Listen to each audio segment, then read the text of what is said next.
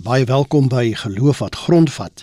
In die programme gesels ons oor onderwerpe waaroor gewone lidmate in kerke antwoorde soek en hoe dit 'n mens jou geloof prakties kan uitleef. Ek is Flip Loots en by my verwelkom ek vanaand vir professor Christina Landman. Sy is buitengewone professor in teologie aan Unisa. Goeienaand Christina. Goeienaand Flip, goeienaand luisteraars. Ook baie welkom aan professor Jan van der Walt, afgetrede dosent in teologie aan die Universiteite van Pretoria in Radboud in Nederland. Goeienaand Jan. Goeienaand Flip en goeienaand luisteraars. En baie van ons ouer luisteraars sal vir professor Jan nog goed ken. Hy het jare gelede wat sê die Bybel elke Sondag aand hier op RSG aangebied. Dit is lekker om hom weer by ons te hê. Hierdie program gee nie aan jou as luisteraar voorskrifte van presies hoe om te lewe nie, maar riglyne waarbinne jy self keuses kan maak en RSG stem ook nie noodwendig saam met die opinie van enige persoon wat aan die program deelneem nie.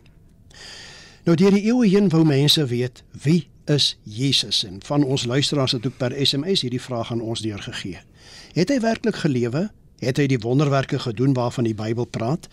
Is hy regtig gekruisig? Meer nog, het hy inderdaad uit die dood opgestaan soos die Bybel sê? Die grootste vraag egter is seker, is hy die seun van God. Dus nie net mens nie, maar ook God. Nou ja, 'n geloof van grond wat grondvat gesels ons vanaand hieroor. Christina, ons begin by jou. Hoe beskryf die Bybel die historiese Jesus? Het hy werklik bestaan? Ja, Flip, dit is 'n baie moeilike onderwerp en ek wil graag hierdie onderwerp met 3 punte inlei. En eersins wil ek sê natuurlik ons bronne om te weet wie Jesus is uh, wat sy bediening hier was, wat sy wat met hom gebeur het in terme van gekruisig en opgestaan. Daarvoor is die ons bronne natuurlik uh, hoofsaaklik die Nuwe Testament. Maar daar is ook um, enkele nie-Christelike historiese wat wel melding maak van Jesus. Ehm um, byvoorbeeld die Joodse geskiedskrywer Josefus wat ook baie naby eintlik aan die Romeine gelewe het. En ook natuurlik die Romeinse geskiedskrywer uh, Tacitus. En hulle bevestig dan dat Jesus wel gelewe het dat hy en hulle maak melding van sy wysheid um, sy aanhang hoe hy deur Pontius Pilatus veroordeel is, hoe hy gekruisig is en wat sy volgelinge daarna deurgemaak het in terme van vervolgings. Nou van hulle sal ons nie um, by hulle sal ons nie inligting kry natuurlik oor die opstanding nie. Daarvoor het ek gesê is die Nuwe Testament maar hoofsaaklik um, ons enigste bron, maar daar's dan wel 'n uh, soort van historiese uh, bewys van Jesus se bestaan. En tweede ding wat ek wil sê is Ons moet onthou dat dit baie lank vir Christene gevat om die wat ons nou bekende formulerings het in ons geloofsbelijdenisse oor oor wie Jesus was. Kyk, Konstantin uh, het in uh, die 4de eeu keiser geword en toe het die hele Romeinse ryk uh, na die Christendom toe um, oorgeskuif en hy self het 'n groot synode in Asia gehou uh, in 325 na Christus onder andere om die groot saak van die dag uit te klaar, naamlik wat was die verhouding of die verskil tussen Jesus Christus en God die Vader. En die volgende 400 jaar was daar nog ses sulke groot synodes ehm um, wat gepraat waar die kerke gepraat het onder andere oor die verhouding tussen Jesus se goddelike en sy menslike natuur of die Heilige Gees net uit God uitgaan of ook uit die Seun en hier in die 8ste eeu het die 'n westerse Romeinse Rooms-Katolieke kerk dan ook um uh, eintlik geskei met die ortodokse kerk in die ooste. Um so daardie vraag wie is Jesus? Um dit was 'n vraag waarmee die kerk baie baie lank geworstel het en soos ek nou in die derde punt ook wil aandui uh die afgelope 200 jaar het ons dan ook hierdie Jesus navorsing uh waar daar weer baie baie skerp gekyk word na wie was Jesus? Wat was sy omstandighede in eerste in die eerste eeu se Palestina? Ehm um, en wat het gelei tot die gebeure ehm um, en hoe hoe hierdie gebeure beskryf is rondom hom. Dis baie ingewikkeld om al hierdie navorsing op te som.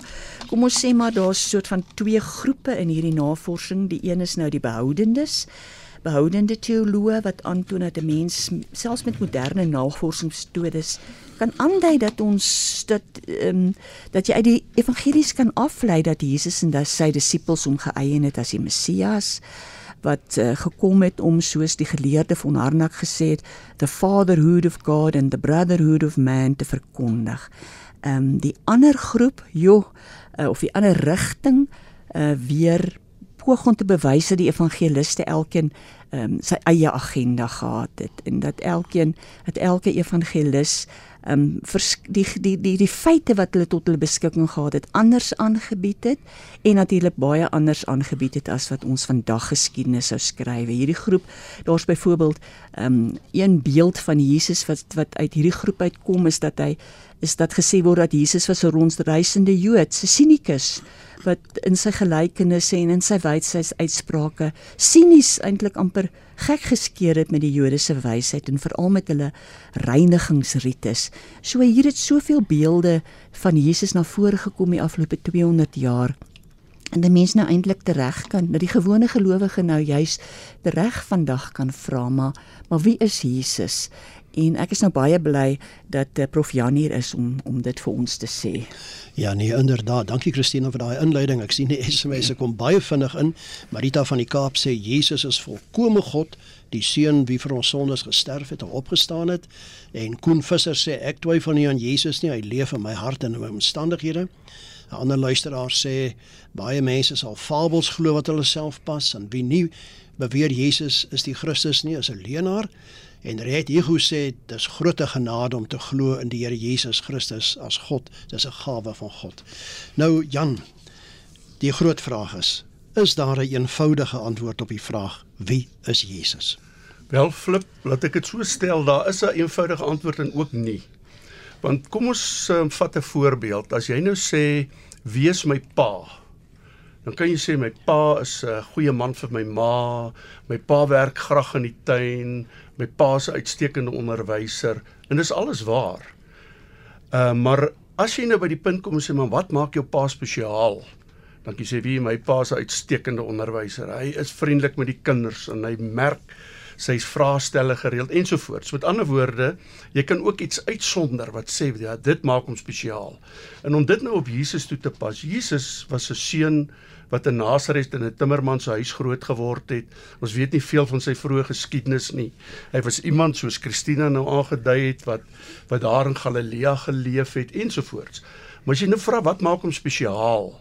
Dan is dit die verhaal wat ons in die evangelies kry van die laaste ruk van sy lewe, die laaste kom ons sê 3 jaar. Toe hy in die openbaar opgetree het, wonders gedoen het, maar uiteindelik aan die kruis gesterf het en opgestaan het. In daai gebeure maak Jesus spesiaal. So as ons vra wie's Jesus, vra ons eintlik, wat maak Jesus spesiaal?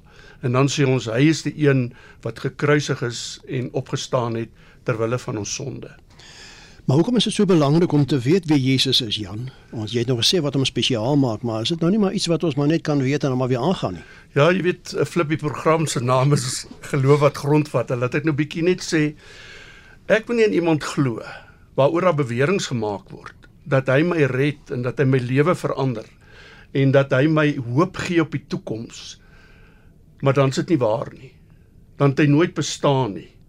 Nou dan die goed wat hulle oor hom sê het nooit plaasgevind nie. Ek bedoel dan is dit nie geloof wat grondvat nie, dan is dit sommer net wensdenkery. In ek self as dit kom by geloof wat grondvat, uh is dit daarvoor baie vir my baie belangrik om te sê ek weet Jesus was daar en ek kan in sy opstanding met 'n redelike geloof glo. Jy het baie uh kan ek sê intensiewe studie gedoen oor die boek van Johannes onder andere Jan. En ek weet nou Johannes 1 praat van in die begin was die woord en die woord was hmm. God en die woord was by God en die woord het vlees geword. Ja. Bedoel dit nou Jesus? Nou my vraag is, hoe korrek is dit dan om te sê dat Jesus ook God is? Kan iemand werklik mens wees maar terselfdertyd ook God? Ja, kyk Johannes is uh, uh, uh, sê eintlik dat toe Jesus aarde toe gekom het. Hy is nie skielik gebore hier nie. Hy begin so in in die begin, van die begin af was die woord Jesus daar. So hy's nie iemand wat as 'n gewone mens net begin bestaan het toe hy gebore word nie. Maar wat Johannes sê is dat in Jesus het daar 'n gebeurtenis plaasgevind wat nog nooit tevore in die geskiedenis plaasgevind het nie. En dit is naamlik dat God kom en in die vorm van 'n mens uh in hierdie wêreld kom rondloop En as mense na hierdie mens kyk, sien hulle in hom die goddelikheid raak. Met ander woorde om dit eenvoudig te stel, hulle kan sien hoe lyk God se liefde want hulle sien dit in Jesus. Hy het ons ook gesê wie my gesien het, het die Vader Ja, gesien. presies. So dit is die belangrike ding dat dis eintlik 'n uniekheid. Nou moet ek noem, baie luisteraars sal seker sê, maar jy weet die Egiptenare het menslike gode gehaat en uh jy weet en so aan en dis waar die woord God of goddelik is gebruik onder andere op Plato wat baie slim was. Het homself ook goddelik genoem omdat hulle sê maar ek het goddelike krag. Ek het vermoëns wat menslike vermoëns oorskry. Maar Jesus was baie meer as dit. Jesus was daai een gebeurtenis waar God by ons gekom het en tussen ons kom lewe het en waar ons hom soos Johannes sê kon hoor, aan hom kon vat, né, en na hom kon luister. Ek dink die vraag wat baie luisteraars ook het Jan is, het Jesus self gesê dat hy God is, maar hy, ek weet aan die ander kant het hy ook gesê hy is seun van die mens. Help ons bietjie met die uitsprake. Ja, die interessante is dat uh Jesus nooit self sê ek is God nie.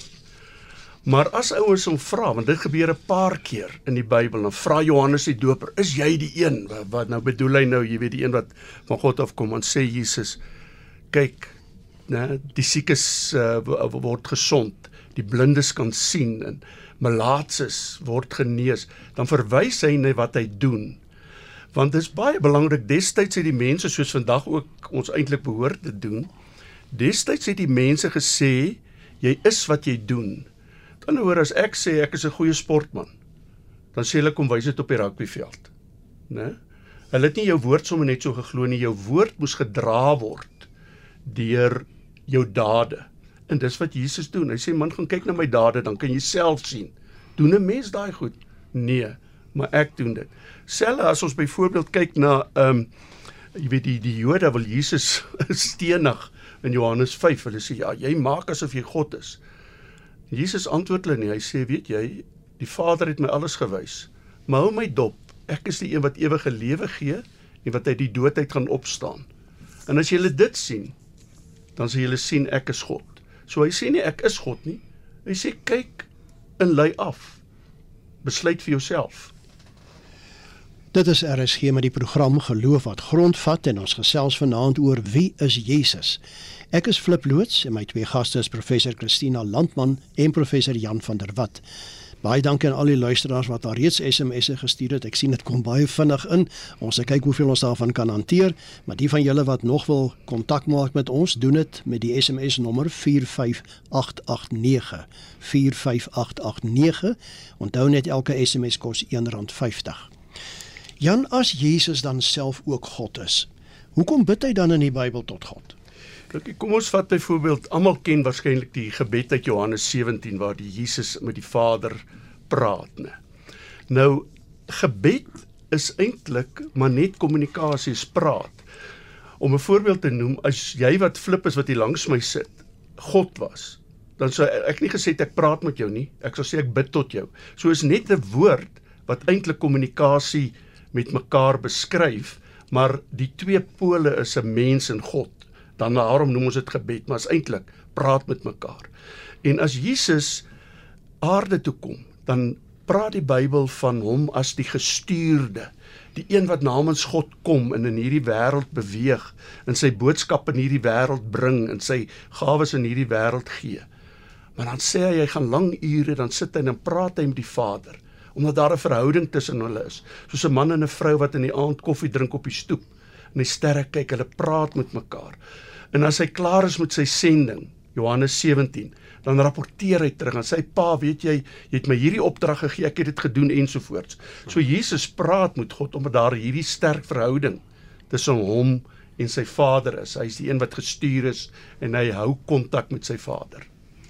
Ek sien Ada van Wildfontein sê ons moet glo dat Jesus die een is wat gekruisig is, gesterf het en ook opgestaan het en dat hy daarna ook aan baie mense verskyn het, nê? Ja. Dat hy hom waarskynlik so ook aan hulle bekend gestel het wie hy Ja. is. Nou Jan, volgens die Bybel ken God 'n mens op jou naam. Geld dit ook van Jesus dat hy my op my naam ken? Ek dink daar seker nou wat so baie 8 miljoen biljoen mense, uh, is dit moontlik? Ja, jy moet nog die uh, uh miljoene bytel van Jesus se geboorte. Kyk, dit is raaisels wat uh, wat 'n mens nie maklik kan verstaan nie. Ou vriend van my, Abraham, het altyd die voorbeeld. Hy sê 'n baba wat in 'n moeder is, het alle uh dinge wat hy nodig het, voedsel, warmte, beskerming. En hy kan hom niks beter voorstel nie, maar die oomblik wat hy gebore word en hy sien hierdie wêreld met sy veelheid, dan besef hy alles wat hy nie begryp het en verstaan het nie. En dit sê ek maar in hierdie gevalle die Bybel sê so, ek moet dit aanvaar dat dit deel is van God se se almag en sy kennis, maar verstaan, die die is vir my moeilik. Ja, ek sien dis heelwat van die luisteraars Jan wat onder andere ook verwys na die rol van die Heilige Gees. Hier sê een van die luisteraars byvoorbeeld, ons moet glo soos 'n kind sy woord neem, maar die Heilige Gees sal die dinge aan jou openbaar. Wil jy ietsie daaroor sê? Ja, ehm uh, weer eens as ek na Johannes verwys, ons het nou begin met Johannes, wil uh, die programme skort, so kom ons bly maar daar. As 'n mens kyk na wat uh oor die Heilige Gees gesê word, veral in Johannes 14 tot 16, dan staan daar dat Jesus sê ek gaan weg vir sy disippels, maar ek kom weer. In sy woorde ek kom weer word konstant verbind met die teenwoordigheid van die Heilige Gees of die Parakleet, die spesiale helper van God. So as Jesus in ons teenwoordig is, is dit eintlik deur die Heilige Gees. En die Heilige Gees se funksie is om Jesus se woorde, sy teenwoordigheid in mense se harte te bevestig. Jy kan kyk daar in hoofstuk 14 tot 16 is dit wat die Heilige Gees gedurig doen. Hy bevestig wat Jesus gesê het. Hy help ons om Jesus se woorde na te volg en so aan. So die kombinasie van wat Jesus gedoen het, wat ons van hom weet, sy woorde en die krag en die teenwoordigheid van die Heilige Gees is eintlik so spanmaats wat ons as gelowiges op die regte pad hou.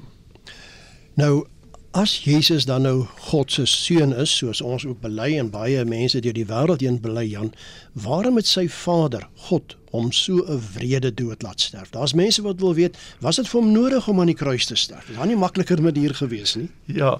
Ehm um, dit is natuurlik 'n interessante vraag want dis 'n vraag wat jy dwars deur die Bybel van die vroeë Christene ook kry. As ons byvoorbeeld die Emmausgangers lees, dan sê hulle ag nee, ons het gedink Jesus is nou die een wat ons gaan red. Maar ons is so teleurgestel want hy het, ons dink hy hy het misluk, né? En dit is nou in daai periode tussen die kruis en die opstanding. Toe hulle nou nog nie van die opstanding geweet het nie. Toe het hulle gedink nee, wat die kruis uh jy weet dit dit kan nie waar wees nie. So, maar as 'n mens nou kyk na die vroeë Christene, watter groep mense wat 'n godsdiens wil begin of iemand wil aanbid sal sê, kom ons maak 'n godsdiens. Ons maak ons held iemand wat deur die mense doodgemaak is, die skandelikste dood wat daar is. Behalwe as dit regtig gebeur het. So dis een van die groot bewyse eintlik, indirekte bewyse dat hierdie kruis het gebeur en die Christene het nie teruggeduins om hierdie kruis te omhels en te sê maar dit is wat gebeur het nie. En nou het hulle gevra waarom het dit gebeur? En die kruis moet 'n mens nooit los sien soos die luisteraar ook ge-SMS het van die opstanding nie. Die kruis lei na die opstanding. Johannes sal byvoorbeeld sê die Vader het my die mag gegee om my lewe af te lê en my lewe op te neem. So hy sal sê Jesus moes sterf want hoe anders sou hy hierdie wêreld oortuig dat hy die mag het om mense uit die dood lewend te maak. Dis ons alle Christene se hoop om ewige lewe te kry. Hoe sou hy dit bewys as hy nie gesterf het en uiteindelik weer self opgestaan het nie? So die kruis bewys eintlik die krag van Jesus om in God om ons eendag lewend te maak. Die tweede ding wat ek net kortliks wil noem is die ehm die feit dat van die begin van die Bybel af God as heilig onaantastbaar gesien word wat sy hand na mense toe uitstrek. En as mense sy hand wegklap deur hulle sonde, hulle ongehoorsaamheid, dan verdien hulle nie die teenwoordigheid van God nie. In God is lewe, dan verdien hulle die dood. En dit dit is waar van ons almal. Ons klap baie keer of het God se hand weggeklap. So wat verdien ons? Ons verdien die dood. En nou stel Paulus dit so mooi in Kolossense 2 vers 14. Hy sê wat Jesus gedoen het, hy het met God gaan praat. Hy's ons versoener Versoening beteken jy maak vrede tussen twee persone. En toe Jesus gehoor wat het God ontstel en God sê maar die ongehoorsaamheid van mense en toe sê Jesus wat moet hulle betaal omdat hulle so ongehoorsaam is. En dan sê God hulle lewens. En dan sê Kolossense Jesus het daai skuldbriewe wat ons voor God gehad het aan die kruis vasgespijker. So hy het eintlik dit wat God in die versoeningsproses gevra het, het Jesus op hom geneem en vir ons sondes gesterf. En so, dis maar twee voorbeelde van uh, hoe die vroeë Christene in die Bybel die hele kruisdood van Jesus verklaar het. Nou, daar is baie mense Jan wat sê dat Jesus volgens beloftes in die Bybel altyd by hulle is. Maak nie saak waar hulle hulle self bevind nie, dat hy dus alomteenwoordig is en ek sien een van die luisteraars het hier ge-SMS maar hy hy's ons leer dan hy sit aan die regterhand van die Vader. Hoe korrek is dit? Hy's Gees het ons net nou gesê en uh, en hy's by ons want uh, ons staan in 'n persoonlike verhouding. Dis die verskil uh, met ander uh, jy weet baie ander godsdienste is dat ons intieme persoonlike verhouding met Christus deur die Gees wat alomteenwoordig is. Dit is RSG met die program Geloof wat grondvat. Ons is nog so 3 of 4 minute lank op die lug. En as jy wil saamgesels oor wie is Jesus, gebruik die SMS nommer 45889. My twee gaste is professor Christina Landman en professor Jan van der Walt. Onthou net elke SMS kos R1.50. Ja net so terloops, ek weet baie mense spreek soms vir Jesus aan en leer hulle kindertjies hoe om dit te doen as liewe Jesus. Is dit nou nie oneerbiedig nie? Hy is dan die seun van God. Ja. Ek dink uh, daar is mense wat sê maar jy jy weet daai die name van Jesus is koning en raadsman en Messias en al die groot name en hoekom noem jy Jesus nou liewe Jesus? Maar ek moet sê Jesus het hom openbaar in liefde en hy het vir ons gewys wie is liefde en wat is liefde.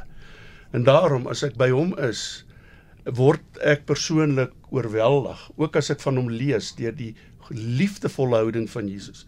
En daarom bly hy vir my liewe Jesus, maar ons moenie daarvan maak dat hy net goed is en altyd uh jy weet goed doen en en ons kan hom so teleurstel met maak nie saak nie want hy's liewe Jesus. Daai fout moet ons nie maak nie, want hy's ook die regter en ook die Messias en ook die koning.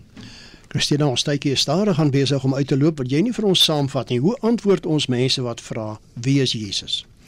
Ehm um, as ek die program kan opsom, wil ek net uh, drie vinnige een sinnetjie ehm um, uh, antwoorde gee. Die een is dan ek dink dit het baie goed uitgekom die uniekheid van Jesus en dat hy dit nie net die evangeliste nie maar selfs nie Christelike historiese um, wat die wat die geskiedenis van sy tyd opgelewer um, opgeteken het dat hulle die uniekheid van Jesus en sy verhouding met die mensdom opgeteken het. En die tweede ding wat ek graag wil sê is dat as Jesus self moes geantwoord het wie is Jesus? Het Jan mooi uitgedruk het hy gesê Jesus het gesê gaan kyk na my dade.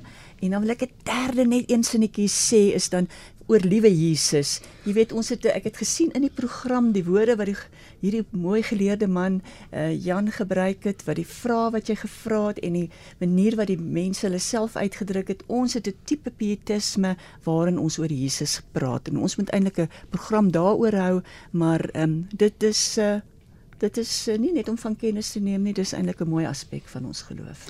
Jan, en die laaste woord is joune, baie kort. As ons in 'n eenvoudige taal vir iemand moet sê wie is Jesus, hoe moet ons aan hom dink? Hy is die redder van hierdie wêreld, soos die Samaritane gesê het uh toe hulle hom ontmoet het. Ja, dit dan al in finansie geloof wat grondvat. Baie dankie dat jy as luisteraar so lekker saamgewerk het met die SMS'e. Dankie aan my twee gaste, professor Christina Landman en professor Jan van der Walt.